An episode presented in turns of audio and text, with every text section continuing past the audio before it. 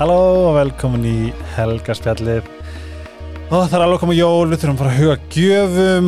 Ég mæli með að klára það bara í november ég er búin að kaupa svo margar og það er ógislega mikið léttir að einhvern veginn spáði ég þarf ekki að spáa mikið í svo sérstaklega ekki kortir í jól þó að maður gerir það. Það er alltaf eitthvað sem vantar.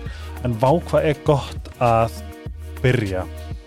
Ég mæli með sít og kér gafasettanum þau eru ímisleg, þau eru mörg, þau eru sex. Á alls konar verði, nei herri, þau eru sjö. Á alls konar verði um, alls konar tegundir og, og pakningar, það er komið glæni í vara sem er sjárgelið sem er algjör unnaður og þetta er svo tilvæglega fyrir bara vinkonur, þú veist hópin eða Secret Santa eða bara jólagjafðin 2004 fyrir leikskóla kennara it. Af því að vörðunar eru dásamlegar og það geta ekki klikkað. Ef þið eruð að spá í nýri dínu þá er Sleepy dínan oh, hún er svo góð. Ég elska ég í dínu sem ég bara svona góla í. En ég er núna búin að prófa, byrja að prófa hörðu dínuna en dínan er þannig gerð að ein hliðin er mjúk og ein hliðin er hörð. Þess að það er þetta um, já það er þetta að velja hvor, hvor maður fílar. Ég fíla bæði, ég held ég væri bara í mjúku en uh, Kæró sagði að þetta geti hjálpað okkur að hætta að hrjóta.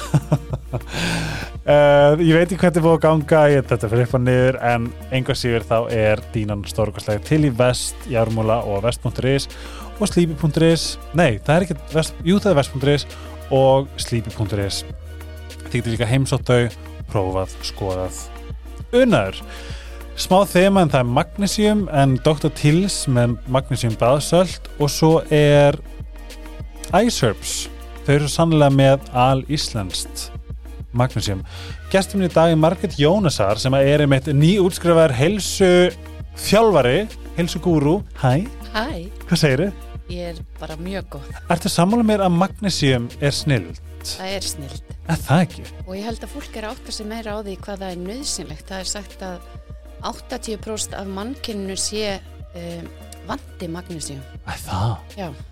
Og þetta gerir svo margt. Emmi? Og það er sagt að hérna, ef þú ert með einhvern sjúkdóm, þá verður hann verri ef þú ert með magnésium skort. Er það? Já. Sko Þannig, ég seifaði einhverja mynd á Instagram það var nýransók og það var verið að tala um sem sagt einleikana, mm góði eða hvað áhrif þetta hefur þetta dekkaði svo mikið já, og ég bara eitthvað svona wow, að því ég einhvern veginn aldrei, jú ég spáði tekið það fyrir svefn og alls konar eitthvað næs en svo náttúrulega er Dr. Tills vinur minn hér á, á helgarspjallinu og þá sagði Eva sem var hérna, hún sagði að um, eða svona besta inntaka magnesium er gegnum húðina já, það var mjög þetta er hávert beintinn. Það er ekki að fara í gegnum meldinguna. einmitt En svo skiptir máli hvaða típa af magnésium það er. mm. þannig að um, þær gera mismunandi það eru mismunandi típur og þær styrkjaði í mismunandi það er eftir hvað, sumt er betra fyrir svefn Já. sumt er betra fyrir vöðvana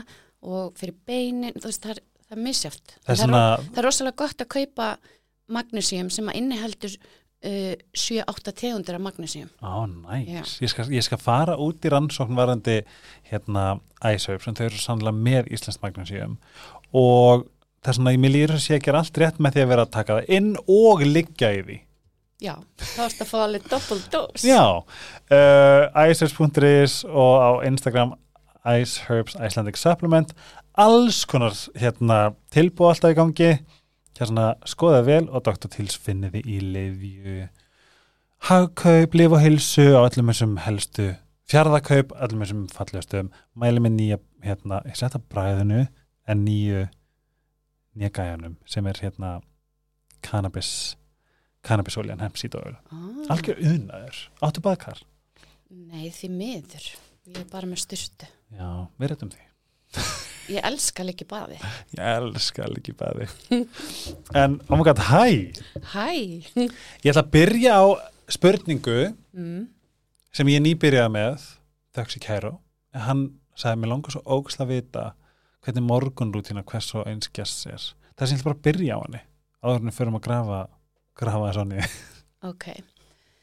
Um, og ég veit líka að þú ert pínu svona rútínu gulda.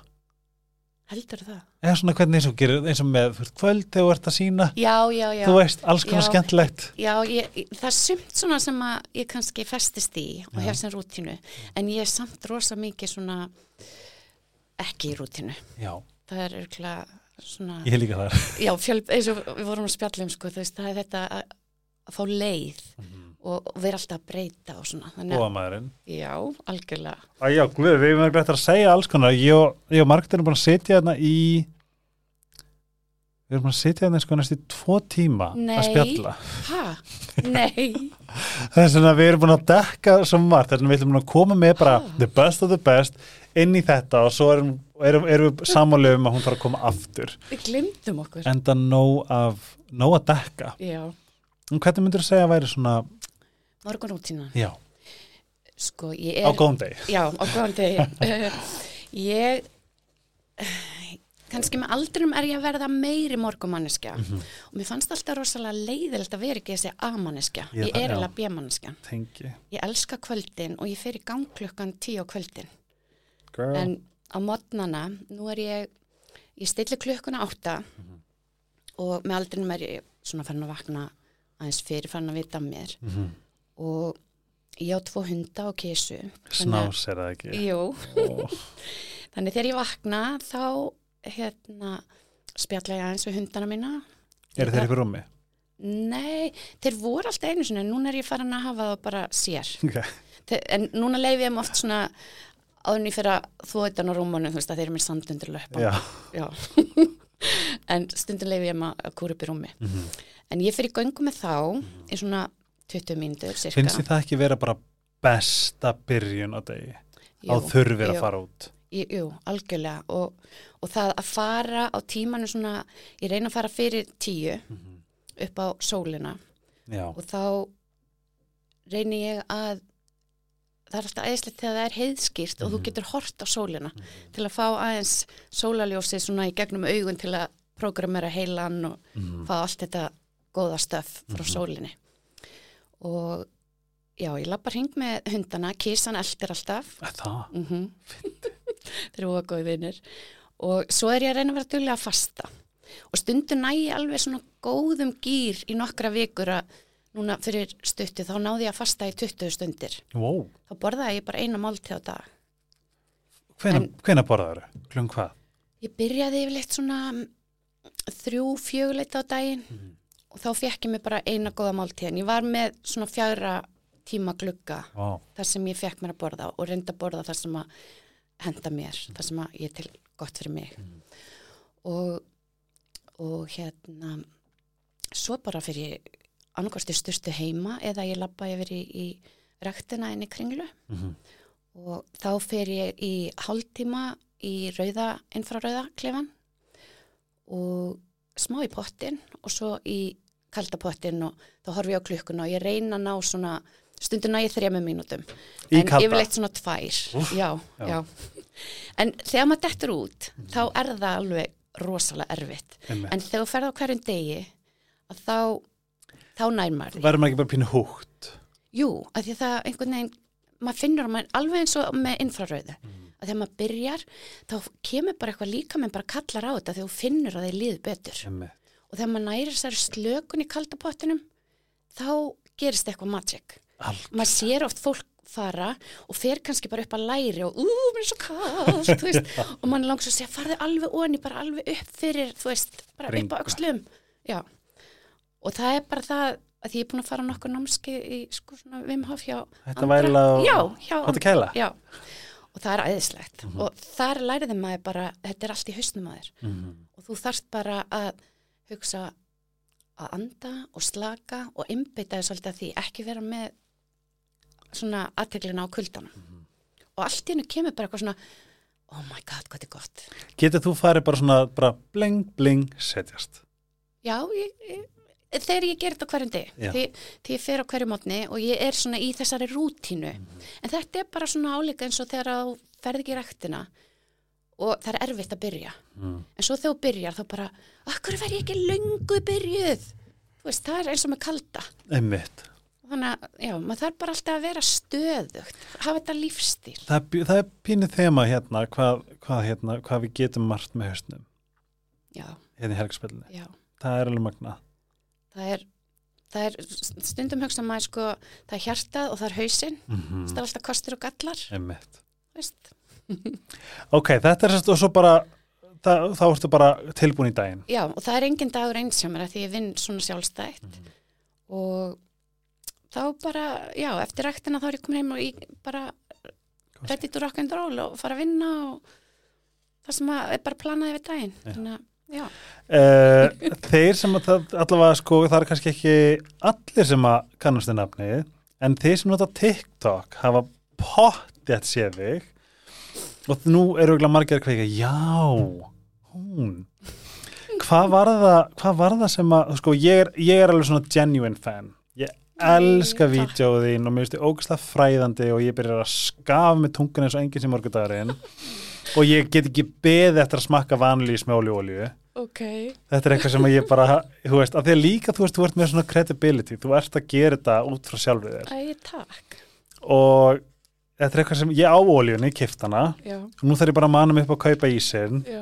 hvað var það, ólíu og smá Það sjáfasalt er bara, og þú er eiginlega að kaupa Haagendas ís, Haagendas vanilu. elskar mín, ekki Hann er málið rosa góður, sko. Í bara, Og- og svo bara- salted karamell ég bara, ég myndi baða mér með geti sko Já, já, já. Ég kaup alltaf núna þennan dúo okay. sem er Belgium chocolate mm og stracciatella. ah. Má er ég halda mig við pleasure. Salted karamell Já, hann er rosa góður. en á ég ekki að kaupa bara vennilegan vanlis Já, meinar fyrir ólífólíu. Já. Jú, það verður að vera vanilu. Hagendas En mér finnst, að því ég hef pröfað nokkra tíðandur, mér finnst Haagendas vanilan best í þetta. og Hagendas er eiginlega bara best Já, það er rosa gott. og magnum að sjálf svo bara góða ólífólíu og svo sjáarsalt. Og ég veit alveg hvað að- sumir hugsa eins og fólk kommentaði og það var yfirleitt svona yngri kynslu bara, oi, viðbjóður. Og ég sagði bara, you don't know. Þetta er ógeðslega gott. Þetta er alveg fárunlega gott. Ég, nei sko máli, ég er held ég bara allt sem að þú hérna setur inn, ég treysti þér. Að það, já, 100% og það er bara svo margt sem þú gerir og hvernig þú mixar og hvernig þú einhvern veginn svona þú lætur rosalega mér finnst svona elegant hluti líta vel út og mér langar að prófa og ég skoða þetta aftur og en hvað fekk ég til þess að byrja bara TikTok? Ég, sko þetta er örglega verið svolítið svona áskoran fyrir sjálfa mig. Ég var búin að vera á TikTok í manni settið inn síma minn þegar að það voru bara svona strákar á hjólabrettum áður, þegar, þegar það var öðruvís já, TikTok. og svo bara fannst mér svo gaman að horfa á TikTok og ég sá að það voru fullt af eldra fólki og svona í útlandum en hérna heima var þetta ekki svo mikið. Mhm. og ég hef svo gaman að ég elda og, og ég hef gaman að ég taka myndir og vídeo og, og þetta er einhvern veginn saminar allt einmitt og það tók mig alveg langan tíma að drífa mig í að gera þetta Mhm. og hérna og ég vildi ekkit verið mynd ég bara, að, bara mynda matnum og svona veist. og mér fannst það alveg erfið eða svona áskorun að tala inn á Mhm. og ég man sko fyrsta vídeo mitt sem ég setti inn þá var ég búin að vanda mig svo mikið að tala hægt og tala skýrt og ég verður að vera að vanda mig of að ég manna, ég talaði við pappa minn um að það var eitthvað að símanum, eitthvað mik mikrofónunum og, og hann hjálpaði mig með að laga það en saði svo hérna, þetta er svolítið væmið. Og ég man þetta var svona game changer hjá mér já, að mér var bara alveg sama. Mhm, áður fyrr hefði ég eitt myndbandinu og ekki póstaði Mhm. við að fá svona einhverja gaggrinni sem að mér fannst svona eitthvað óþægilega, já ég get ekki, ég er eitthvað væmin, ég ætla nú ekki að vera væmin. Já. En það var áskorun fyrir mig að því að það var búið að vera svo lengi svona aðdragandi að ég veit ekki hvort ég á að segja þóra en jú, það er verið það, veist, að fara svona út úr þægindarhengnum Mhm. og gera eitthvað sem að maður er ekki vanur að gera. Og manstu hvað ég sagði við þig þegar komst ekki upp í við hittumst að selja vegi ég já, já. réðist á þig. Já, manstu hvað ég sagði Já, bara, þú verður að fara að tala inn á bækur. Já, já, þú já. verður að fara, þú veist, þú verður að fara í útvarpi eða eitthvað. Það var svo gæð, það bara, það, það greip mig mest, hvað þú ert með mikla Fyndi. já, Æ, takk, ég, ég, ég einhvern veginn, þú þetta var svo varst líka bara, what the fuck? Já, ég bara, ég pósta þessu samt að því ég hef búin að leggja vinn í þetta og ég var einhvern veginn búin að ákveða að pósta og svo gerði ég og svo voru alveg margir sem voru bara að setja næst komment og ég fekk alveg ákvægt feedback og það gefur manni svolítið svona bensín að halda áfram. Einmitt. ég hef alltaf verið svolítið svona tilbaka og verið introvert og þegar mér hefur búðist að koma í viðtöl eða bara eitthvað, þá hef ég alltaf afþakkað. Mhm. og ég hef alveg velti fyrir mér alveg af, af hverju. Og ég hef alltaf sagt til sjálf á mig ég sé introvert og þótt ég elska að hitta nýtt fólk og tala við það og hef gaman að fólki og svona þá er ég bara rosalega mikið svona heima Mhm. og vera, þú veist, en núna er ég svolítið að skora á mig að fara út úr þægindarhengnum og eins og þegar þú sendir á mig, ég bara, ég þurfti ekkert að hugsa, það er kannski að því að ég fíla þig og mér finnst þú skemmtilegur og áhugaverður að ég bara strax, já, ég er til í það. Og Ég, Ég er svo bara, glaður af því að sko, nú líður mér líka bara svona, ó, takk. Nei, takk, ég segi takk. Finnst, og líka við árunum við höldum áfram, við verðum eiginlega að koma, koma því inn að þú ert búin að hérna, unga á tveimur mjög stórkastlegum konum, mm meðal hans Helga Gabriela, einn dásilegasta manneski sem ég þekki, Já, kokkur og, og bröðakótrala, já, um, og Birta Hlín, já, sem er í köpen, hún er bara hjúts á TikTok, já, henni gengur rosa vel. ógislega vel, Og þau er svo gaman að því sem hún er að gera. Mhm, og Eða bara, með, au- já, bara báðar bara magnaði eiga tvær svona vel hérna Þó ég sjálf frá, Já. ég er allavega rosa lána með þér. og svo verður Helgi líka að fá hérna að sjá þetta því hann er, hann er svo nettir Já, já, Veist ég vildi að hann myndi vera aktíver á, á Instagram og Ég hef sagt af það. mm ég líka. Þau eru alveg sálu félagar og hann er að gera svona, jú, þau voru að trúlega sig. Gæði. En þau, takk, það er svo indislegt. er ekki spennt fyrir brillupinu? Já, jú, ég er ekki alveg komið huga tanga. Mér varst bara svo æðislegt að trúlega sig. já, En já, ég hef einmitt verið að hvetja hann áfram að því að hann er með henni stundum í vídjónum og svona, Mm. þá hef ég sagt hann, þú ert að gera meira, þú veist, gera líka og fyrir stráka og svona, þú veist, það, Það vantar, já, bara bæði Instagram og TikTok og algjörlega, hann heitir Helgi Jóns já, Birta Hlín og svo þekkja held ég flesti Helgu Gabrieli já, geggja lið örgulega margir, ég er bara að þeim, Trú því, þú heldur mátt bara að vera það. já, Og líka bara þú hafa búið þau til, það er glenn þá, en þá Ég vandaði geggjaðara rosalega mikið. En, og við bæði náttúrulega, ég veit að hann vandaði sig líka, Já, já, já, já, bara- bæði, bara allt. útkoman held ég var bara mjög fín, bara, bara geða getnaður.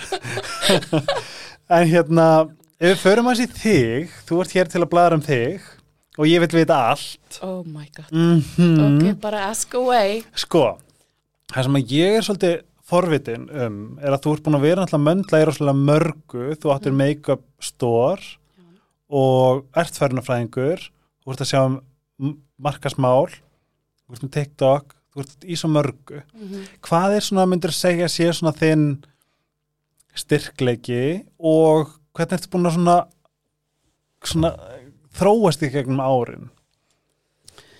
um, Við fyrir mútið veikleikuna eftir, nei, já, oh boy, best for last. Ég held sko að að hérna, svona fyrsta sem kemur í hugan þegar við tala um styrkleika er að ég held ekki að sagt að ég sé innlag ég er opinn og ég segi eins og er og hérna og ég held að það að, það að vera opinn og til í að svona, já, ég hef gaman að mörgu og ég veit það ekki, bara sen ég var krakki þá einhvern veginn bara hef ég áhuga á svo mörgu að ég hef svona verið að dútla í eins og núna, ég er að gera svona margt í einu. Kannski er ég bara góð í multitasking en þá líka kannski neikvæða hliðin kemur sem að sem er ekkert svo skemmtileg, það er að fá svona imposter syndrom, af því að ég er kannski með diplóm í þessu og þessu en ég er samt að starfa við það.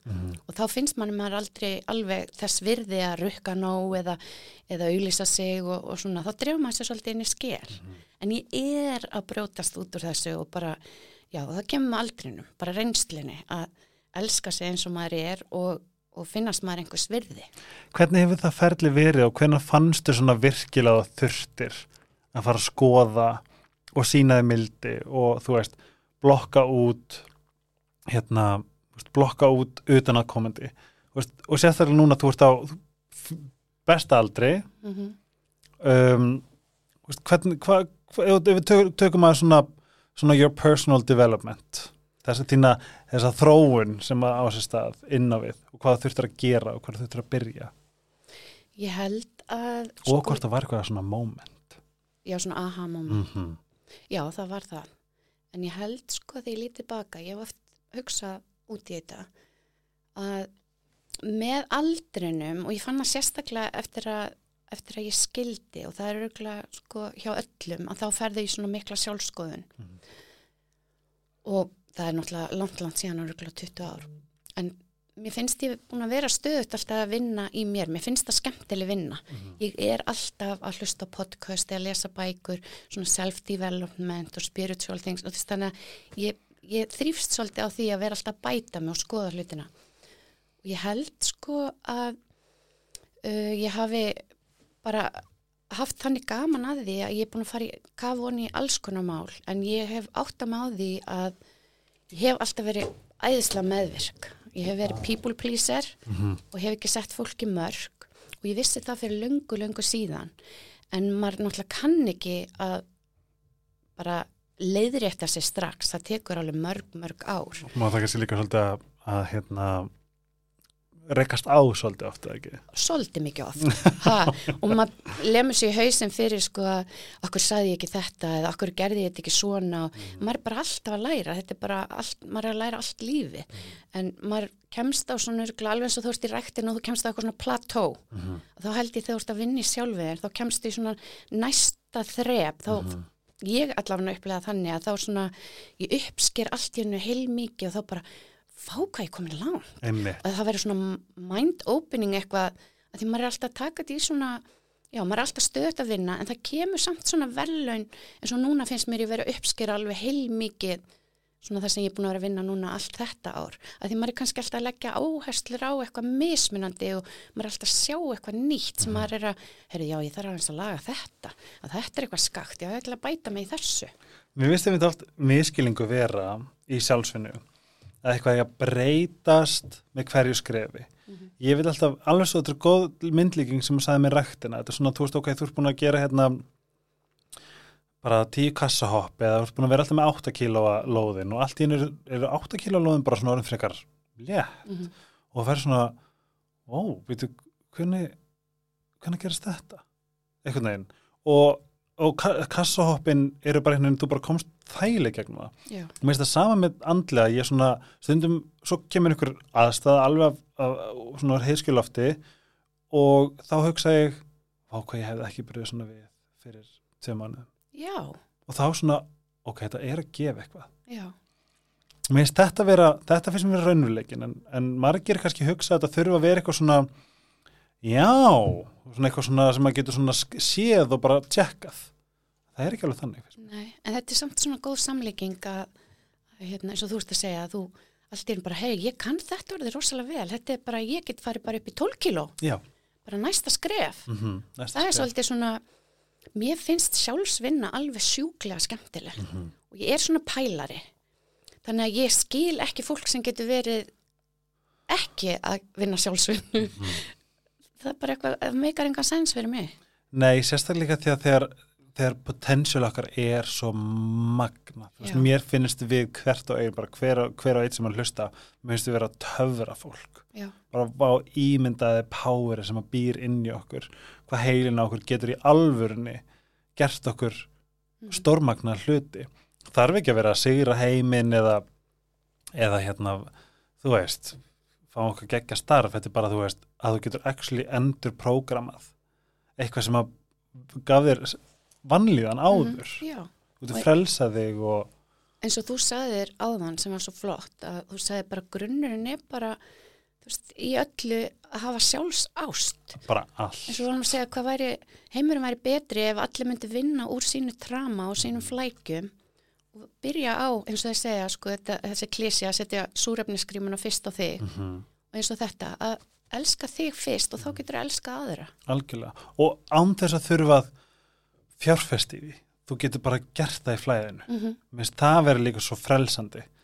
Bara, og ég veit líka að sem að er svona allavega mitt ef ég fer að hugsa neikvætt um eitthvað eða, eða sína einhvers konar svona oh, get, ekki, geta hann ekki svona, mhm, þá finn ég að ég er komin úr flæði og akkurat. þá þarf ég að stilla mig inn aftur og segja, hei þú veist, hvað kemur þér það við hvað einhver annar er að gera eða að segja Við erum svo mikill vani og þegar maður fer að taka þetta sem svona eins og svona leik bara að catch yourself eða Mhm. sko fatta það þegar þú ert eitthvað að byrja í neikværu hugsun mm -hmm. að snúa því við og þá breytist orkan 1, 2 og 3 Já. bara strax. og líka bara þú, við getum lagað þetta Já, þetta, þetta er bara treyning, þetta er bara æfing að æfa sig í að hugsa jákvætt mm.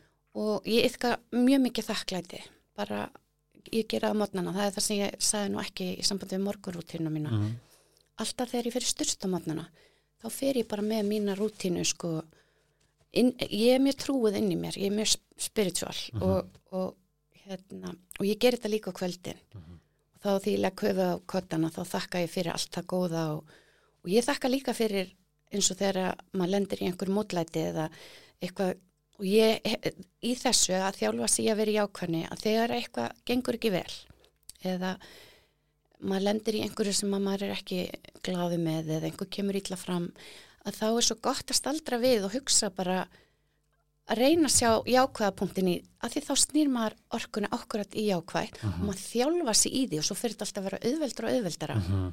og þegar maður er í svona einhverjum er, erfiðum aðstæðum eða einhver kemur ítla fram að bara fyrir mörgum, mörgum árum síðan byrja ég í rauninni að að frekar að senda góðar hugsanir og ljós Mhm. að því ég vil ekki sitja með svona neikvæða orku í mínu líkama og vil ekki dvelja í einhverju svona þungu.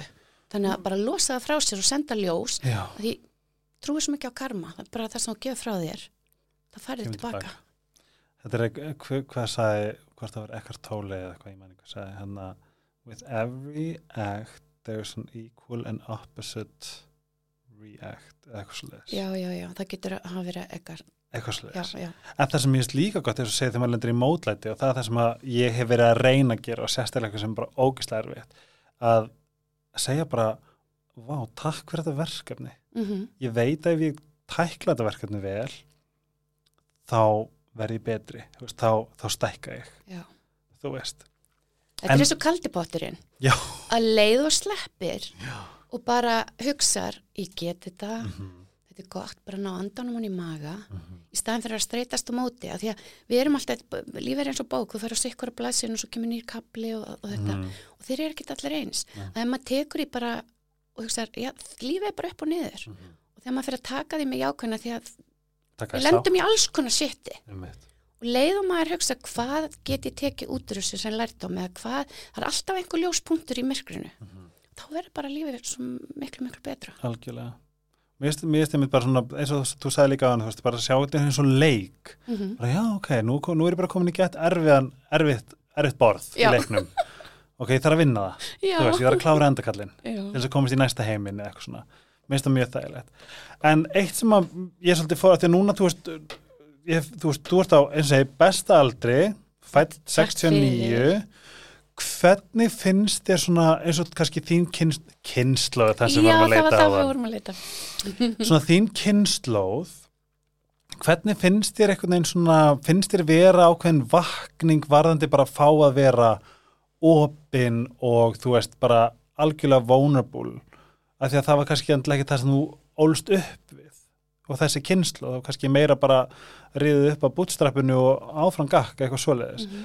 Finnst þér, finnir þér fyrir því og, og hvað er kannski meira, þú veist, hvað finnir þér fyrir að konur að þínum aldrei þurfa að heyra? Mhm. Já, ég held að við njótum góðs af kynnslóðinu sem er að koma eftir okkur og við erum ekki orðin það gömul að við séum lokuð fyrir nýjungum sem er að koma. Eins og Me Too og, og hérna bara kvennréttindi og allt þetta sem að er orðið og fólk má vera þess að er og það er rætt um geðsjúkdóma og þunglindi og, og fólk er að ræða um trama sitt og allt miklu opnara. Að ég held að mín kynslu og þetta fólk á besta aldri sem er um 50 það fer alveg með yngri kynsluðinni í, það er opið fyrir þessu og við fáum að upplifa þessa opnun og að vera um, ekki með skömm og losa og, og bara skila skömminni og allt þetta góða og jákvæða sem að kannski var ekki eðlilegt að tala um hérna áður fyrr.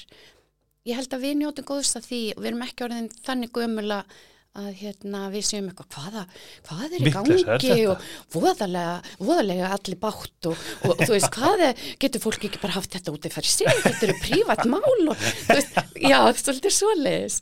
Þannig að við fáum að fljóta með og ég held að, já, ég held að mín kennslu og örgla einhverjir eldri líka séu bara að njóta góðs að það er svo mikið að flottu sem að kemur núna frá yngri sem að bara, og líka það svona eins og í dag að það er bara orðið akseptira að fólk sé eitt. Það þarf ekki, ég er að upplega það til dæmis að þegar maður var yngri þá uh, var maður alltaf spurður, erstu að deyta, erstu með einhverjum, að því að fólk var alltaf sett saman í pör. algjörlega. Þú varst alltaf eitthvað voðalega brotin og varst einn, en í dag er það ekki þannig. oh my god, allavega ekki ég er bara svona, ég er samglest bara.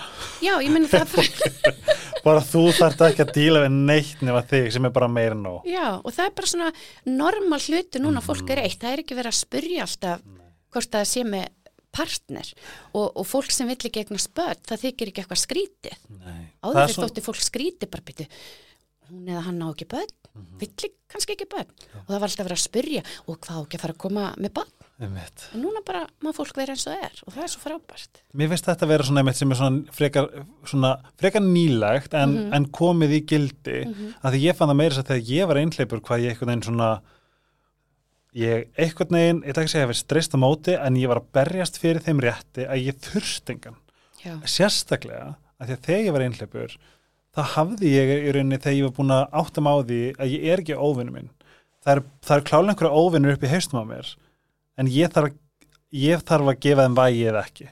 Já, ef, ef einhver, einhver kvíðarafbóð hugsun segir bara að þú ert ógistlegur eða þú ert þetta þá um leið og ég fatt að byrja, ég hef valdið til þess að gefa þessu vægi, er ég að fara að trúa þessu rafbóði, mm. af því hugsan eru bara rafbóð, þú veist, það er ekki við. Já. og þegar ég fann svona fullkomna hamingju innan með mér, algjörlega einn það var eins og öðlast einhvers konar superpower já, bara þú veist, það er indislegt og núna á ég maka og hann er dásamlegur og ég bara er algjörlega til í að, að hérna, skapa mig líf með honum. Mhm. en ef ég hefði ekki hitt hann ég hefði líka verið fullkomlega sáttur. Ef ég hefði verið einn. Og ég veit það. Mér finnst þetta að vera svo mikilvægt að fólk vita því að ástin, það er svo margir sem að halda sko að, að ástin er bara til að gefa. Já, já nei en ég hef engan til þess að þú veist elska bara svona, hei, kíkt í speil. Ef þú setur allt þetta á þig ímyndaði þér hversu mikil ástarrisaðilega þú getur, orðið. Já, mér, mér finnst þetta svo fallegt. Ég veit ekki hvort ég sé bara tal, eh, hvort ég skrítin þegar fólk er að heyra þetta en Nei, mér finnst þetta bara svona, að teng- wow Ég, ég sit ég nára nikka og nikka á hausnu já, bara, ég bara- tengi. mér finnst þetta eitthvað að fallega sem ég veit um bara, svona, bara vera sjálfum sem nóg þú veist, læra, þú veist, njóta eigin selskap Þetta er eins og við vorum að segja með grunninn að Mhm. elska sjálfan sig og út frá því getur svo mikið orðið gott. Mhm. Og það er náttúrulega bara eins og þegar fólk er í neikvæðni og það eru svona bullying eða það er hatur eða fólk er að taka út einhverja reyði á öðrum og svona. Það er að því það er, hvort sem það er líkamlegt eða andlegt, að því ég trúi sko að þetta er allt heim mm -hmm. Að þú ert með stíplur, þú ert með reyð og þú ert að losa bæði andlega og líkamlega það líka og það er oft vannmeti hvað er, getur setið mikið trama í líkamannum Mhm. þannig að þú getur stundar reyfingar sem að losa orku stíplur þannig að þetta byrjar allt á þessari sjálfsást Mhm. að sættast þau sjálfan sig Mér finnst þetta bara að vera grunnur og, og líka sko að því við tölum um aðeins áðan, ég held að það var ekki þegar við vorum búin að íta rekk, en það var hérna, þú veist, að, að þú veist, ef maður spári í því, það er ekkert persónulegt. Veist, ef þú, ef þú ert meðvitaður um að þú gerður einhverju slæm, mm -hmm.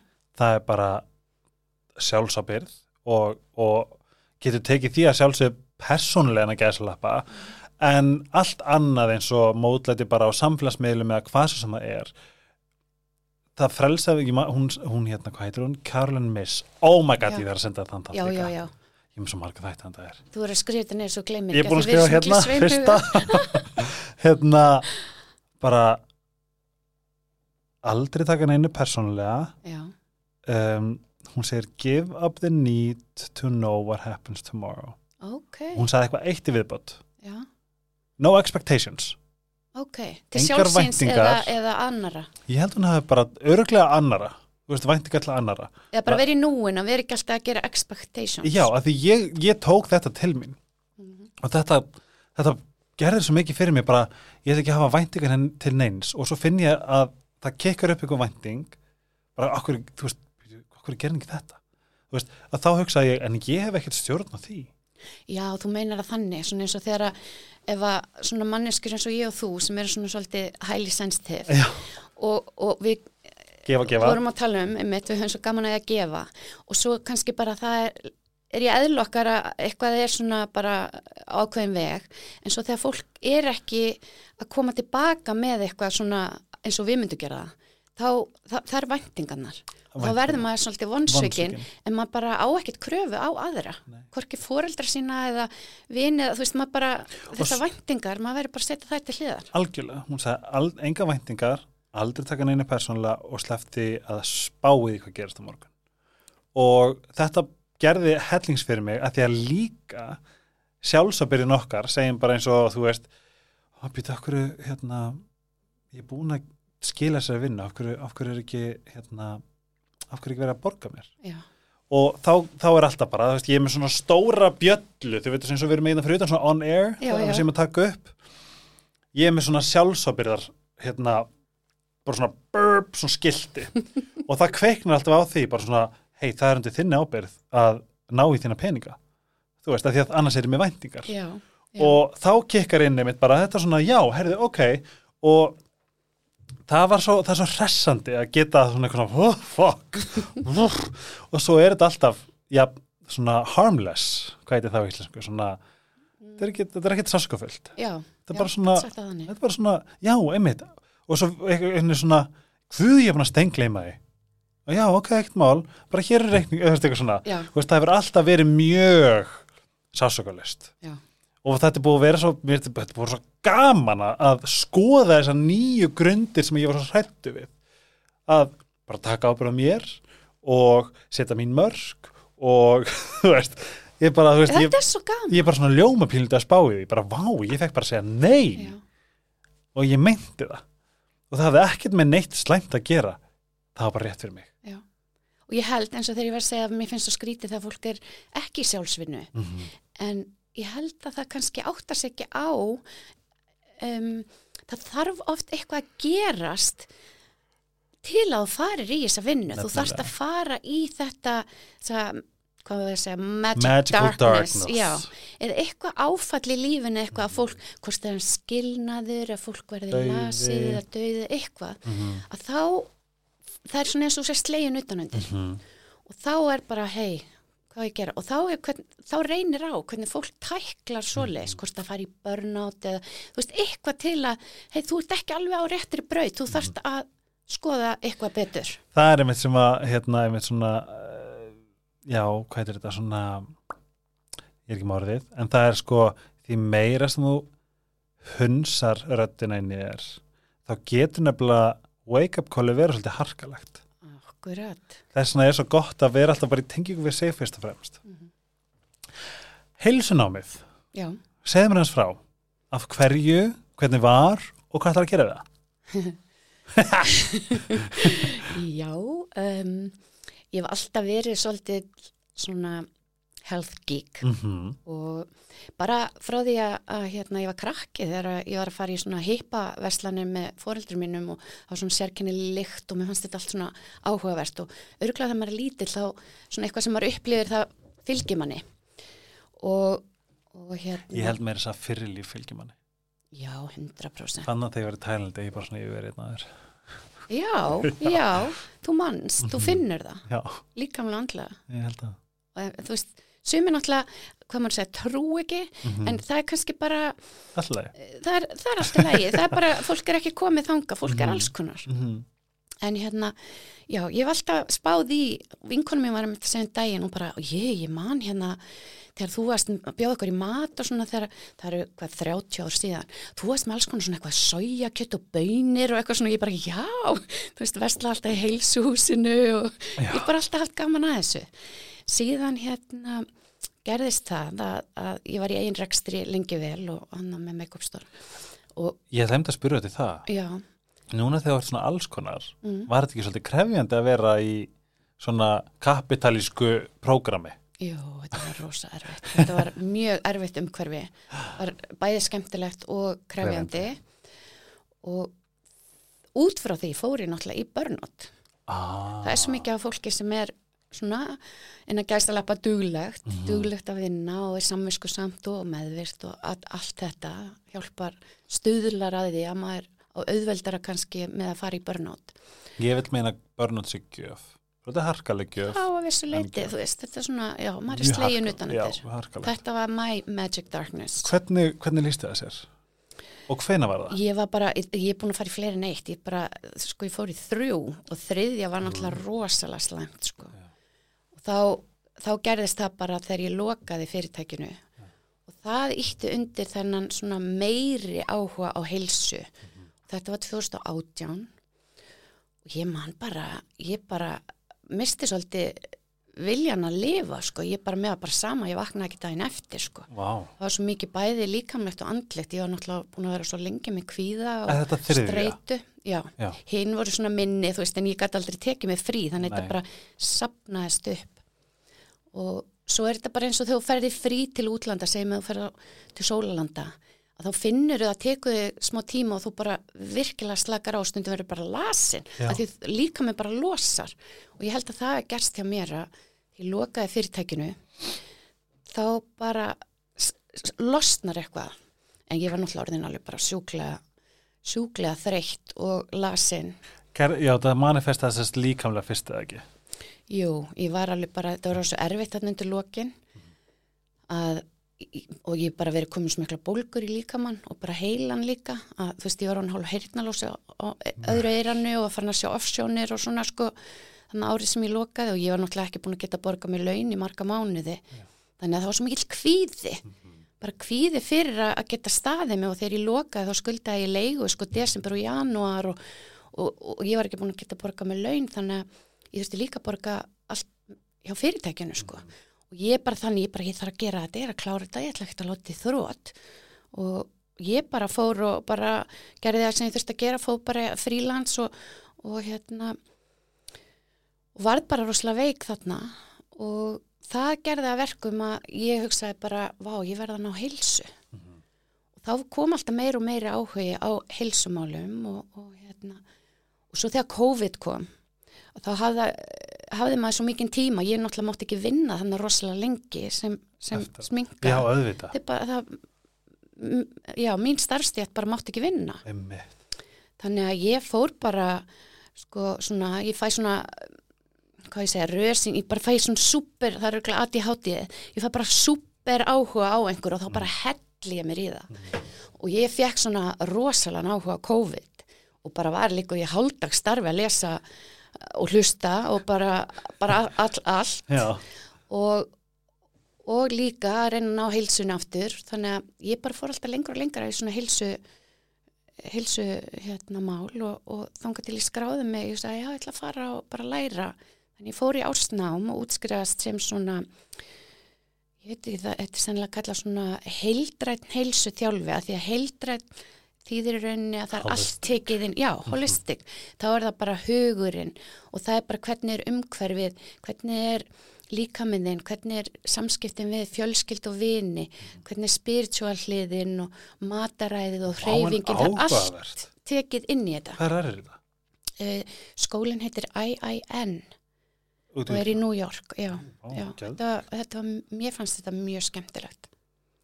Ég elska líka að það tekið inn veist, maður hugsa strax sko já, hérna bara borða rétt og nu, nu, Já. nu, en að þessi, allir þessir aspektar séu teknir inn í reyningin sem eru náttúrulega bara svo ógæðslega mikilvægir. Já, og fólk áttar sér oft ekki á því Nei. að það er að borða eitthvað ákveði sem er ekki að næra það eða fólk sem að borðar á mikið af einhverju eða borðar óholt að það er oft ekkit þetta, þetta tengist oft innri líðan sko, þú gæti farið til svona heilsuþjálfa og bara ég vil, ég vil bæta mataræði og ég vil, ég vil fá betri heilsu og, kannski missa einhver kíl og eitthvað svona. Og heilsuþjálfinn sér náttúrulega þegar hann fer að fara onni í sauman og öllu og er með viðtöl að þetta snýst kannski ekkert um það að breyta strax matarænu heldur þú þarf kannski að breyta einhverju sem þú veist með, já, bara samskipti með makanðinn eða alls konar svona hlutir að því fyrr ert ekki að fara að missa þessi kíló eða borða holt að því þú ert að hugga þeim kannski með mat. Þetta er alls konar.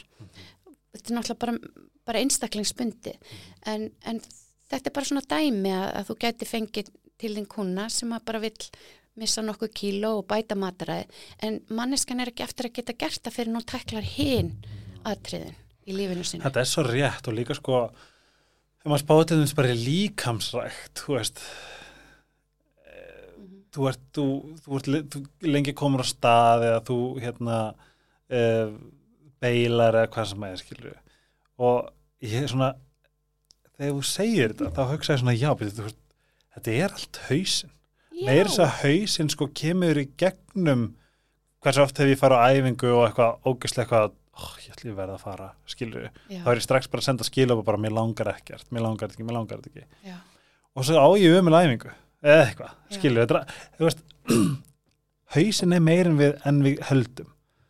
Me, veist, er líkamleg æfing er líka hausin Þetta, þetta er eins og það að vera með orkuna í þegar þú veist að gera kannski magaæfingar. Mhm. Þú getur, margir eru með síman sinni í ræktinni. Mm -hmm.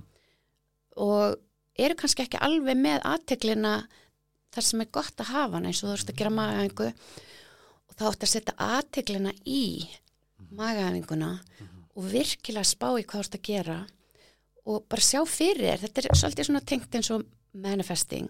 Bara sjá æfinguna virka eða þú veist að lifta uh, og vera með aðteglina bara, ég menna þú fer kannski með í 45 mínútur að vera með alla aðteglina hérna eins og jókarnir segja, þú veist, þú ert ekki að vera að horfa á sjónvarp með að borða og svona, þú ert að vera að gera það sem þú ert að gera.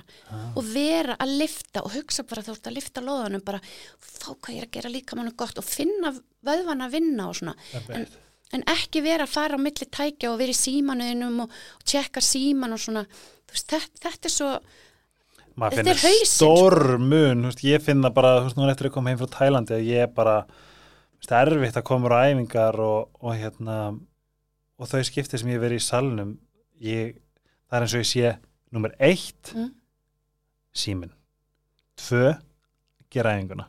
Þú veist, ég gera æfinguna til þess að færi síman aftur. Já, þess að þá ert ekkert að gera þetta rétt. Þú veist, þá ert ekki að gera þetta rétt um já þetta er líka kannski svolítið að setja sér svona um, gera svona rútinu setja sér markmið að, ég ætla bara að skilja síman eftir í skápnum, auðvitað náttúrulega sumir eru með, ég er með iPhone 13 sem er svona risa stór og mér er bara óþægild að hafa hann með það því að mér langar að hlusta á músík, en hann er oft bara svona þungur, hann bara er fyrir mér. Emmi, en það er alveg áskorun að skilja síman eftir í skápnum og, talað um síma en þá var ég að henda hann minna á golfið ó sko, þetta er eitthvað sæn en þetta er eins og þú segir þetta er, þetta er rosa mikið hausinn. Hvað myndur þú segja væri svona svona svona verkefnin þín andlu verkefnin sem voru svona mest að skoða núna sem við langar mest að svona skoða þú veist? Um, ég er að skoða nokkra hluti og það er mörkin mín. Oh. hvar mörkin eru og ég farin að svolítið erfitt að útskýrta en ég farin að sjá þetta svolítið að því að við tölum ég sé að þú ert eins og ég, við sjáum hlut eins og þú ert að tala um bjölluna og svona já. ég sé allt myndra ég líka og ég er farin að sjá og ég þarf líka að sjá það til að skilja já, já, þess vegna spurði ég hvort þú væri lesblindur ah, að því að lesblind fólk sér öðruvísi kannski, veit ekki, Svona- ég tekka það Já, kannski. Ég, held þú væri það. Ah. það. Þetta er svona eins og, þú sagðir, þú veist, með gay radar eða narcissistic radar, þú veist, ma maður er svolítið svona, "Æ, það, það er auðvitað Ah, lesblindur, það er svona, þú, þú veist, you, you find your tribe, já, já. Pínu, við. algjörlega. En já, ég er svolítið að sjá, já, eins og ég segi, það er erfitt að útskýra þetta, en ég sé þetta svolítið myndrænt í hugunum mínum, að ég er farin að skoða samskipti við við annað fólk og farin að sjá, kannski er það það að ég er að vera betri í þessu, þá er ég farin að finna fyrir og sjá mörkin, að ég var svo markalaus, fólk fór yfir mörki mín og ég hef sjálfsögði farið yfir mörk annara að núna finn ég betur svona og það var svo flott að hafa sagt um einhvern tímann að hugsaðu um sjálfum aðeins svona eins og hús Mhm. og ef þú ert ekki með grindverk Mhm. þá kemur fólk bara inn í garðin og bara inn í húsið og, veist, og, og- og er það bara í lægi Mhm. Og þá er að nei, það er svolítið svona óheilbreykt og þá getur maður séð sig eins og hús og þú ert með girðingu. Mhm. og heldur fólki svona, já, smá distans og þú hleypir að þér því sem að þú veist þú opnar vilt hliðið fyrir. hleypa að þér. Já, Akkúrat. sko Ragga sagði nákvæmlega þetta. Og hún sagði mitt líka sko að þegar, þegar þú setur grindverkið upp mm þú bara opnar fyrir þeim sem þú vilt opna fyrir. Já, hún sagði líka sko þegar fólk kemur þau eru kannski vönast eitt þessi leiði við garðin þá er eftir að sko hrista grindverkið ó, hverju, what the fuck eitthvað svona, en svo bara vita þau að það er ekki hægt að hrista grindverkið niður já, þá bara fara þau leiðina sem að þú veist þið sett upp já sem er þegar- kringum grindverkið Já, þú veist, örgulega tala um eins og svona þegar fólk er að venjast bara, býtu, ha, hún er bara alltaf inn komið mörg. Já, byrju, sá hann. Ég er alveg vön að geta vaðið bara inn. Já.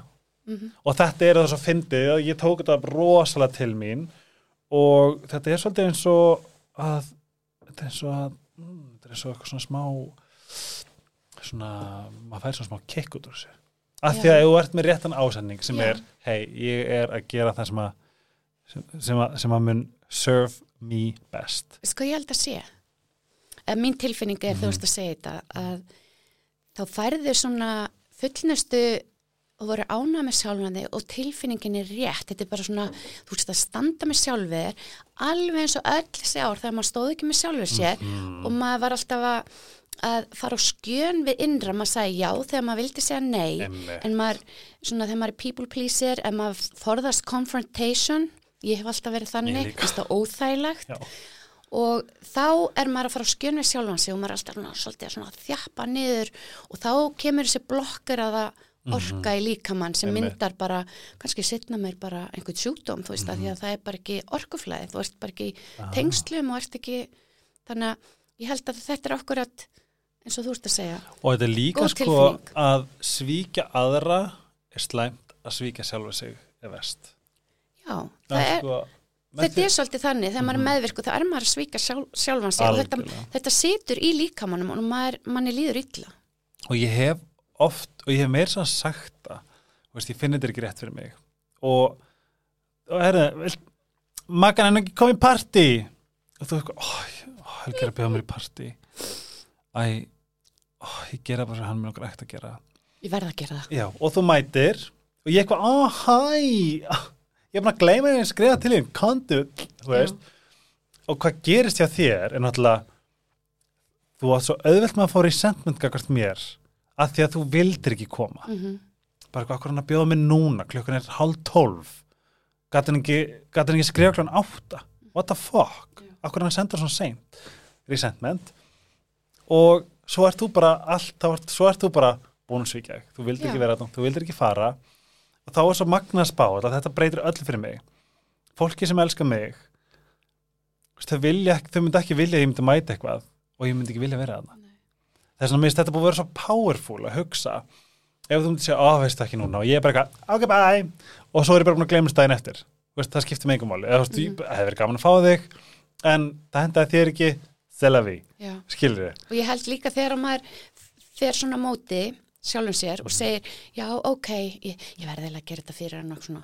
Og þú ert að svíka sjálfum þig. Mhm. Og þá kemur þetta aftur og aftur og þá byggist upp þetta uh, óöryggi sjálfur sér. Mm, svona, ert bara þá weak. minkar þessi sjálfsást. Mhm. eða, eða hún er kannski bara ekki til staðar. En þá kemur þetta held ég þessi orka inn að ég get þetta ekki eða ég er ekki nóg góð það, það kemur þetta sko, þú, þú ert bara að byggja á þessu þessu neikvæða í staðin fyrir bara að segja strax og, og segja það alveg eins og þú ert í sölu á einhverju, þá verður að trúa því að varan er góð og þá setur þú bara svona stöðuga og góða orku í það því þú ert svo ákveðin í því að þetta er góð vara og bara, þú verður að eiga þetta. Þetta er geggja. Og þá þarf maður að trúa því að segja bara nei veistu, ég kemst ekki með þér í kvöld ég ætla að vera heima. Ég haf búin að lofa sjálfur mér að bara slaka á henni. Kem kannski næst. Já. Og, það, og þú veist, og það finna við að það bara svona og, þú veist, og svo kannski er maður hrættur bara hvað, ó, hún ætlar að hata mig og segja nei.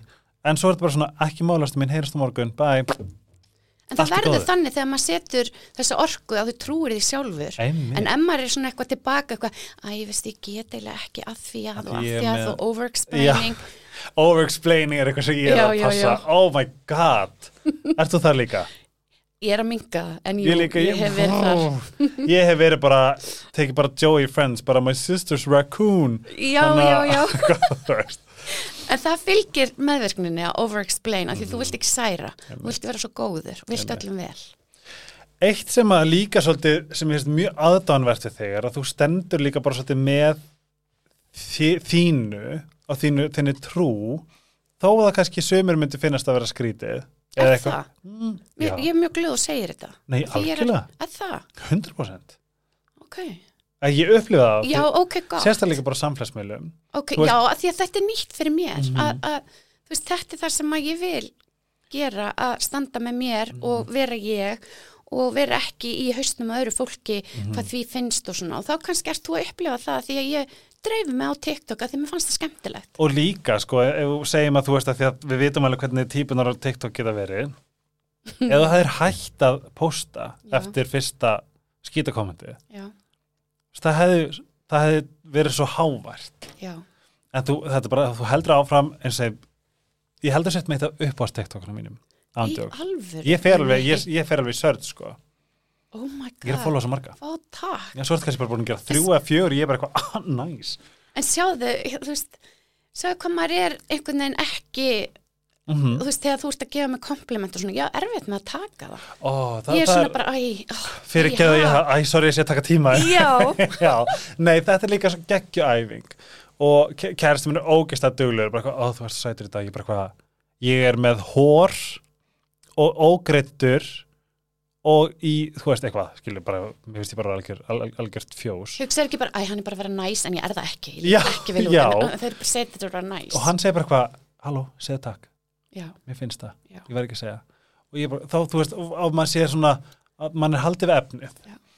Um, mér finnst þetta að vera ótrúlega góð æfing. Ó takk, og sama núna, þú veist, vanilega ykkur að segja, ég fekk, ég fekk hérna kerti frá Firmliving frá Margeti þegar hún kom inn. Og ég bara hvað imposturinn mitt bara guðminn góður ekki gefa mér þetta, þetta er, þú getur verið að gefa einhverjum öðrum þetta bara uh, en að því ég er búin að æfa mig, þú veist, þú vildi gera þetta og ég er þakkláttur. Og það gladdi mig, mér finnst það dásamlegt, það er svona við bara unnum bæði. Já. Og ég, þetta er það sama við vorum að tala um að snúa orkunni við í jákvægt og byrja að æfa sig í að segja bara takk. Og ég pínu komið þangað að einhvern gefur mig komplimenti svona, þá er ég fann að geta sagt æ takk. Og ég er hægt að nappa sjálfa mig að hugsa æ, hún er bara að vera næs en hún, Já. þú veist, ég, ég veit ég líti ekki vel út. Já, en nú er ég fann bara að segja já takk, er þetta enn, á takk en Já. ég, er svo, ég svaf ekki neitt slepp þessu enn. Sleppa enninu bara takk fyrir að segja og þetta. þetta er bara vani að því við erum bara tölvir og það bara þarf að forrita okkur að 100% það fyrir að vera auðveldara. Ég sé alltaf, og app. Þú veist, þetta er ekki appi það bara hættir að virka. Það er bara, halló, ég nýtt og update. Bara eitthvað, ó, já, já, svo er þetta kannski bara að keira einhverju, eldgömlu appi sem bara virkar líka lengur. Já, er það kannski ekki að gera símanum gott? Eða eitthvað, skilju myndrænt, myndrænt. Allt myndrænt. Hvernig hérna varandi svona, þú veist, ég veit að við erum á sama máli varandi svona hvernig, og ég allavega er opinn með að hvernig svolítið svona hvernig það er kannski ákveðin blekking í, í, í kerfinu sem við lifum í. Þú veist, að, það, að við séum þú veist, ég persónulega skil ekki af hverju er ekki verið að kenna sjálfsrekt í skólum? Mér finnst það gjörsamlega galið. Og almennt bara rekstur, senda reikninga hvað er skattur, þú veist, ég bara já, já. veit ekki neitt. Hvernig, hvernig svona hvernig finnst þér að vera þetta mikilvægi að við fáum að þróa að við þróum okkur sem einstaklingar og fáum að vera rattir líka fyrir fólk? Til þess að kannski bara svona sjá að við megum vera með okkar eigin hugsanir og okkar eigin svona sannfæringu. Hvað stendur svolítið svona þar? Vá, þetta er alveg stór spurning, stór með, spurning. Hérna, og ég er alveg með stórt og langt svar en kannski of langt Neini, hér en kannski svona partur að því er að ég, ég er náttúrulega eins og við sögum, sko ég bómaður þannig ég hef mjög gaman að bæði stjórnmálum og, og heimsbyggi og trúmálum og svona en það hefur minkað áhugin á stjórnmálum síðastleina ára því að þegar maður er farin að sjá að þetta er svo smáborgaraleg stjórnmál og það er orðið svo mikið ofboslega mikið spilling og hefur náttúrulega alltaf verið en, en, en hérna eins og við vorum að tala um með mentakerfið og svona að þetta er kerfi. Mhm. Þú veist, yfirvaldið er bara svona system, það er bara kerfi. Og, og skólakerfið og, og heilbreyðiskerfið og þetta er ekki að virka fyrir okkur, okkar hag, svona for our benefit. Vegna þess að Sérstaklega ekki núna. Nei, en fólk er að svolítið að opna augun fyrir svo, það er að verða breyting en þetta eru klart að taka langan tíma og það er, fylgir þessu sem við vorum að tala um að fólk er orðið opnara og það fylgir samfélagsmiðlunum líka að fólki fara að geta verið að pósta og segja frá hlutum sem eru ekki í lagi eða eitthvað sem við höfum ekki séð áður að tekja eftir að föttum ekki. Og svo eru einstaklingar sem að bara svona baráttu fólk sem að geta eins og þú með mentamálin og þú ert með þitt passion eins og þetta að vara við narcissism og, og svona. Áður fyrir bara varið í dval og fólk vissi ekkit af alls konar hlutum. En núna er þetta svo opið allstar og það sem þú hefur áhuga á þú getur sko, þú veist svo er algoritmin þú lækar hluti og þá færðu meira. Og þeir sem eru kannski að spá í einhverju ákveðnu hlutum, það, veist, það kemur til þeirra það sem þeir eiga að læra. Og ég held sko eins og með mentakerfi og svona, nú eru svo margir farnir að vera með homeschooling út um allan heim, að því fólk er að fatta kerfið er ekkert að hjálpa okkur hvort sem það er heilbreyðskerfið eða mentakerfið og það er vöndun á bæði eins og í mentakerfinu að kenna börnum uh, svona emotional intelligence og heimilisbókald og bara hvernig á að feta sig í lífinu og þessi basic hluti sem maður bara er ekki inn í þessu kerfi að því þetta er svo basic. Þú veist, þú ert bara einhvern veginn að læra það en samt erst ekki að læra það. Og eins og með heilbriðiskerfið, ég meina það er alltaf verið að, hvort sem það er um, eins og hár blóðþristingur, þú, þú fær bara lif, ég meina hár blóðþristingur er ekki sjúkdómar, þetta eru enkenni af hverju ekki að fara og, og vinna á hv- hvers vegna ertu með háan blóðþristing af hverju er fólk alltaf bara livjað ég meina stundum þarf lif og stundum þarf hérna, fólk lendir í slísum og það þarf að vera skurðaðgerðir og allt það, allt á rétt á sér og, og fullt sem að hjálpar en oft er hægt að gera hlutinu öðru í, í sambandi við heilbreyðskerfið að, að hérna byrja á því að bæta mataræðið og ég meina tökum eins og þegar COVID kom að það var allt rosa mikið svona uh, mátti ekki tala um neitt. Það mátti ekki tala eins og um D-vitamini í byrjun af því að þetta var svo mikill skadvaldur að, að það var bara sko ekkert. Þú getur ekkert verið að, að ræða um D-vitamini menna veist, þú veist. En svo náttúrulega Sem er eftir ógstlega gali að spá í. Og, og yfirveld fóru aldrei það svona áróður í að, að ég segi ekki áróður en, en að herja á með borðiði holt, þú veist, fólk fór náttúrulega bara þegar það var í, í lockdown eða þá fór það bara út í búð og, og var að kaupa sér eitthvað svona hugga sig mat, sko, þú veist óhaldlist í raun, margir. Það. sigur og svona, ég meina bara að þú, að þú spáir í því að þegar þú borðar sigur að það veikir ónæmiskerfi eitt rosalega í marga, marga klukkutíma. Að það? Já, og, og bara þegar maður spáir í sigurneislinu hvað er mikill sigur í þess og hinnu og við erum bara hún svo samduna og þessi stóru korporat fyrirtæki, hvort sem það er livja fyrirtækin eða matvæla fyrirtækin, þú veist, við, það er ekkert verið að gera okkur neitt greiða. Það er enginn sem að hugsa um heilsuna en að nema þú. Og maður þarf að taka allt bara í sínar eigin hendur og bera ábyrð á sjálfur sér. Ég meina, ég fór, þegar ég fór í börnátið, ég fór til þryggja lækna, svona bæklunarlækna og þeir sögðu mér allir að ég þyrst að fara í mjadmaðgerð, að skipta um það? kúlu. Og ég bara, ég fann á mér það bara, nei, nei, nei, nei, þú veist, ég vildi ekkert fara að fara í aðgerð, ég hugsa að býtu, ég get ekki setið í lótustellingunni og ég get ekki, hérna, fara í útregatúr, þú veist, ég var fann að finna alltaf til að ég fór á hestbak, sko, þú veist, ég gat ekki, hérna, setja á hesti, var svo illt. Og ég sagði, ef ég fyrir í, hérna, mjadmaskipta aðgerð, ég er ekkert eftir að geta gert þetta, þetta hvað á þetta að bæta? Og svo bara, Að það má, getur maður ekki gert svona. Nei, þau- þetta er náttúrulega örgulega misjáft en, en ég held þú getur ekki farið í lótustelling þú, þú veist, st- þetta hjálpar einhverjum en ekkert öllum en, en svona það sem ég meina er að þú veist, ást með of háum blóðþrýsting þá farið blóðþrýstingslif í staðin fyrir af hverju ertu með of háum blóðþrýsting og af hverju er þeir illt í mjöðminni við bara skiptum kúlu. En á þessum árum sem að ég er búin að vera svona í meðminni, þá er ég alltaf að vera betri og betri. Ég bara sökti mér onni og hugsaði sko, nú ætlum ég ekki að hljóma eins og fáviti að vera bara, já, ég bara googlaði mig eins og þú veist, æ, googlaði mig áfram, þú veist, ég ætlum ekki að vera æ, ég ætlum fólk að segja, já, varstu bara á Google mm. bara, en það er rosalega mikið upplýsingum að núti og maður verður bara að prófa að sjá fram og vera með opin huga og ég meina, því ég fótt til læknisminns í síndunum hvað ég var að taka inn og hún fannst það rosalega áhugavert ég hafði lesið rannsóknir og hlustað á framsýnan lækni í bandaríkjum sem tala um til dæmis nýja sínamít Mhm. og það er um, það sem vantar þegar brjóski er að eyðast Mhm. og ég byrjaði að taka ákveðan skamt á hverjum einasta degi og ég, oft er það þannig þegar maður er búin að taka bætefni að maður fattar ekki alveg að, að það er betra. Það er ekki fyrir þá hættir. Og það gerist hjá mér. Og ég, ég einhvern veginn svona bara með að fara að líða betur. Og svo einhvern veginn svona dróst úr að ég var að taka þetta og þá fann ég það. Og ég er búin að vera að fara í nálastungur ég kifti mér svona infraraukt svona hita á mjöðmina ég er ekkert á leiðinni í mjöðmaskipta aðgerð allavega ekki neitt Og þið lífið vel núna? já, Vá. þannig að þú veist þarna hefði ég verið búin að fara í skurðaðgerð og örgulega verið rúmleikjandi í einhver tíma og mist úr vinnu og svona, þú veist, það sem ég er að segja maður þarf oft bara svona aðeins að skoða er þetta rétt, þú veist, maður fara svolítið eftir innsænu Já, innsæð, því það er eins og þegar þegar var sagt við, þá var eins og þú sko, eins og það hafi gripið svolítið. Mhm. Næ, ég held ekki og það er svo oft þannig. já, Þú veist, við erum með þessa, þessa þetta ljós í okkur sem að veit bara. Ég manna þegar ég lappaði út frá einum hérna lækninum og, og ég var að taka hurð á hún og ég líti á hún og ég segi en já, hérna er ekki eitthvað sem ég á að forðast eitthvað í sambandi við mat?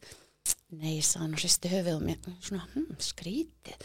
Að því að þegar ég fór að gera þetta þá, þú veist, ég mingaði sigurinn og, og þetta, þú veist, þá fann ég að ég var betri. Já. en ég meina, come on. Veist, þetta, þetta er svona eitthvað bara sem fólk þarf að hafa almenna skinnsemi eins og fólk með gikt það þarf að forðast ákveðna hluti og fólk með skjaldkirtilsjúkdóm þarf að for, forðast að borða ákveðna hluti. Þú veist, maður þarf að og ég er ekkert að segja að að það er ekki hlust á nei, en þetta bara líka taka þátt í þessu ekki bara, já, fá Já, og amen.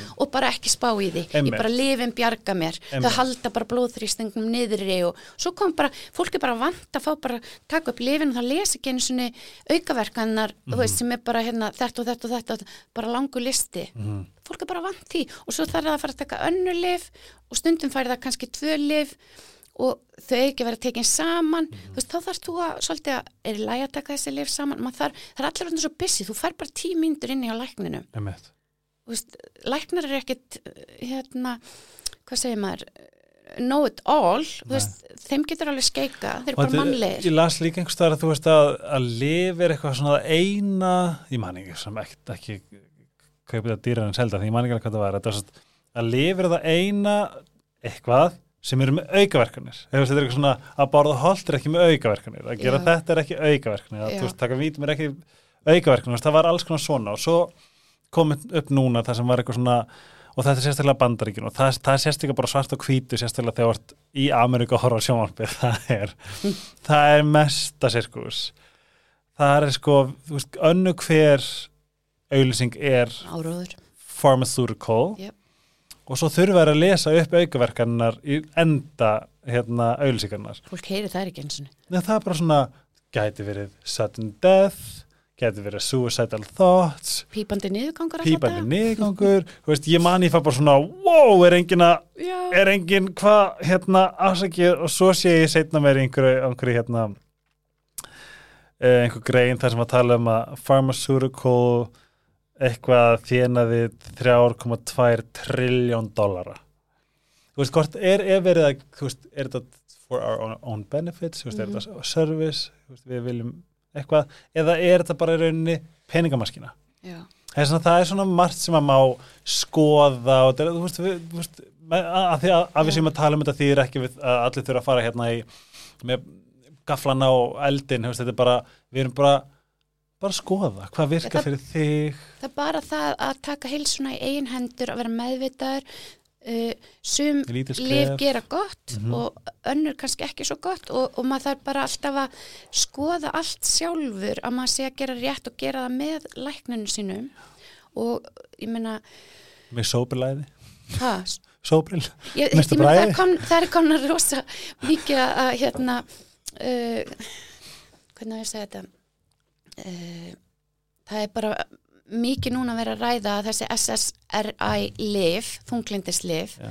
sem að mikið af fólki er búið að vera á að þetta er ekki alveg að funkar eins og, eins og skildi, þetta er ekki og eins og með hérna uh, Alzheimer sjúkdóminn að það er að koma upp að það er búið að falsa mikið á gögnum og það er búið að, já, það, það, það er núna, ég er búin að hlusta á nokkur podcast þar sem er viðtal við lækna og þeir eru að segja að Alzheimer sjúkdómurinn, það er náttúrulega nokkra tegundir, ég vissi það ekki, Mhm. einhverja sex eða sjö og það er ímislegt hægt að gera til að uh, forvarnir, já, og minka einkennin og svona, en það er alltaf verið sagt að sé bara ekkert hægt að gera Einmitt. og þá er fólk bara, já, það er ekkert hægt að gera en nú er verið að segja að það er mikið hægt að, að svona gera til að fyrirbyggja og minka Fyndi, ég var að fyndi á hann og hún sagði, hún, hún var að segja mér frá þætti sem er á Disney með Chris Hemsworth sem heitir Ok. Limitless og hann er í alls konar rannsóknum, í, ég er ekki með að horfa þetta, alls konar rannsóknum og svona lífstíls lífstílstengdum uh, svona activities að því að hann er í rauninni í áhættuhóp af Alzheimer. Já, já, hann- ég sá þetta í fyrra dag aðeins bara, ég, la, ég las þetta Já, hann tók þetta í sína hendur og fer að skoða svona Mhm. allt í kring. Mér finnst það svo áhugaverð, ég ætla að fara að horfa á þetta.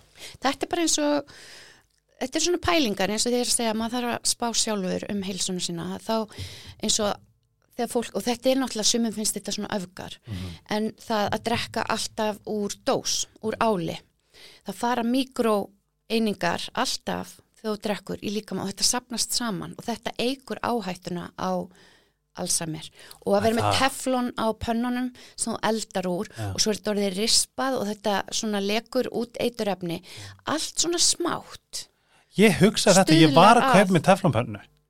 að það? Já, ég var í, nei, nei, nei, veitu, nei, ég var í. IKEA, Nei, já, ég hef séð að IKEA selur bara svakla mikið af teflonpönnum já, en svo var einn steinli sem var alveg steinli stíl Já. og ég bara, wow, hún er geggju, fannst svo flott.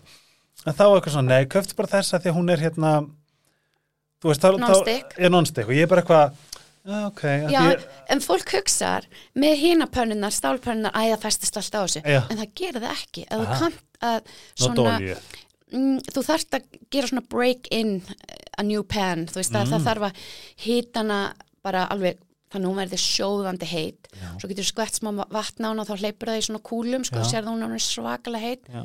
Síðan setur ólíun á og, þarft, og þá er hún í rauninu orðin non-stick Aha, að að þeir Þetta gera er það allir kokkar. Já, þetta er svona rútin, þú veist, að, þú veist bara hýtar ekki pönnu og hellir ólíuna og byrjar og svo bara festist fiskurinn við eða pönnukökurnar, að- þú veist, það, það er svona Mm, tricks. já, ákveði sem þú þarfst að gera.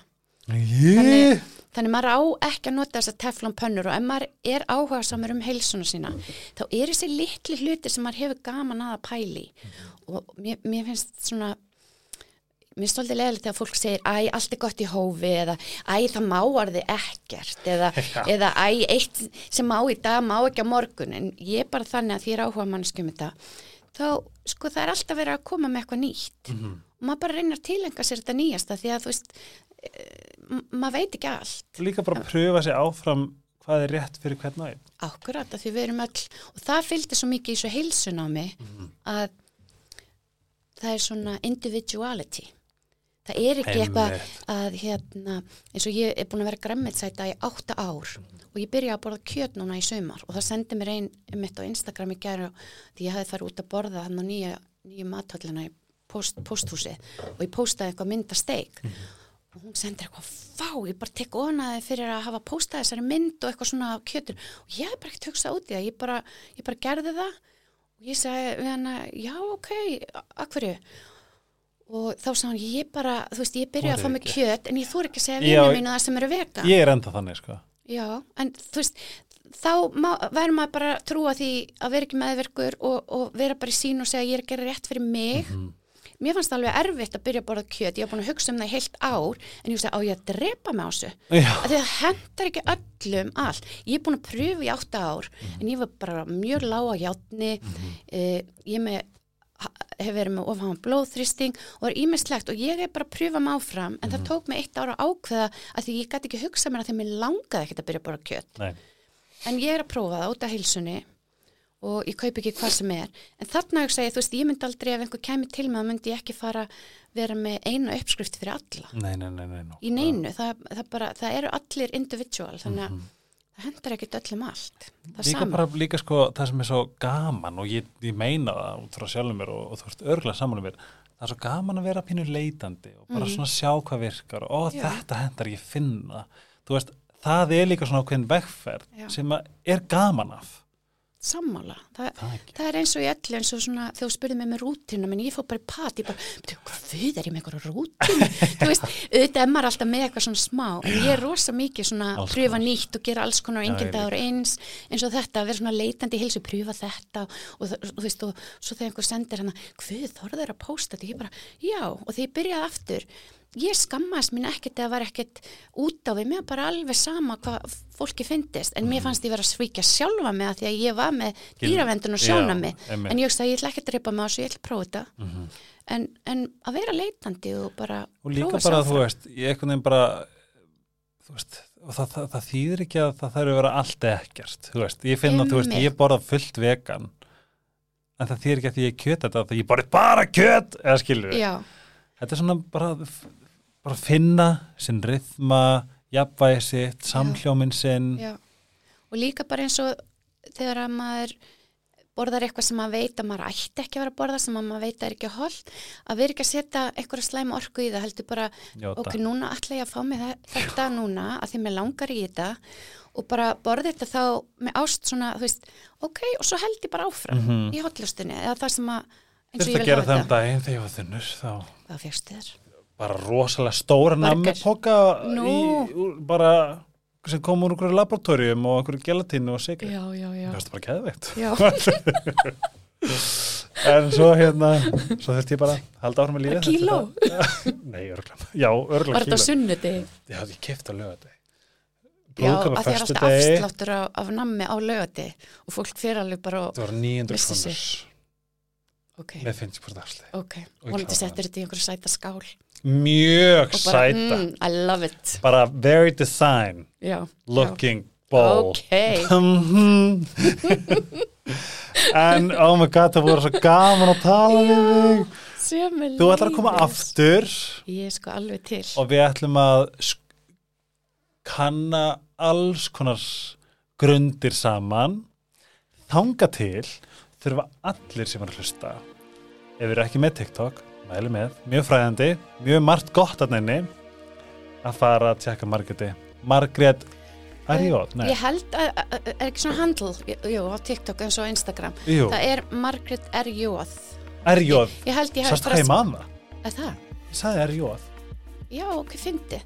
Þetta er er eins og Instagram. Ég held ég að ég bara, að ég var svo ég, ég valdi bara það sama.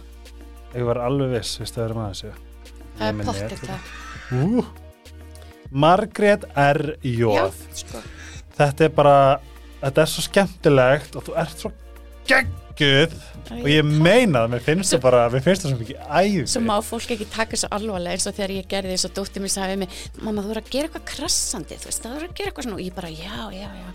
Og þá gerði ég hérna, ég veit ekki hvort það að segja það í sambandi við votipikki upp á er bakteríunar í munninum með tampustunna og, og það og þá var Já, ég að þegar þú segja að sko með skola. bakteríu já, Mhm. og svo, svo endaði ég, sa- ég fatt það náttúrulega eftir að þegar fólk fór að kommenta bara, hvaða hræðsla áraður er þetta eða einhver sagði, djöfursis bull og vittlisa að því þá, svona, þá misti ég mig svolítið í þessu ykt að því ég, minna, ég var eitthvað að tala um við erum með bakteríur og suma geta verið slæmar og Já. geta farið undir góminn og naga góminn og það geta meiri segja sint hérna upp í heila og við hjarta og naga æðarnar og þú veist, þetta er náttúrulega alveg þing en fólk náttúrulega var bara erst eitthvað crazy kærling? En þú varst með eitthvað svona skólara það er það, waterpickið það, Waterpick? það er bara, það er jólagjöfin í ár. Er það, hver kaup það maður er það? ótrúlega snið það er á Amazon. Á Amazon. Já. og getur bara að flytja þetta inn? er þetta ekki bara, Já, og hvað tengjur þetta við, hvaðan kemur waterpickið já, ég bara set á kvöldin, ég gert alltaf á kvöldin stundum á mótnana, þá bara set ég ekki ískalt vatna því það er svo óþægilegt. Já, uh, svona móðvolt, svona kalt móðvolt og svo seti ég eitt svona skvört af silfur vögva svona, svona sem ég kaupi sem er bakteríueðandi já, því maður er náttúrulega ekki að nota munnskóla því það eðalega góðu bakteríuna líka.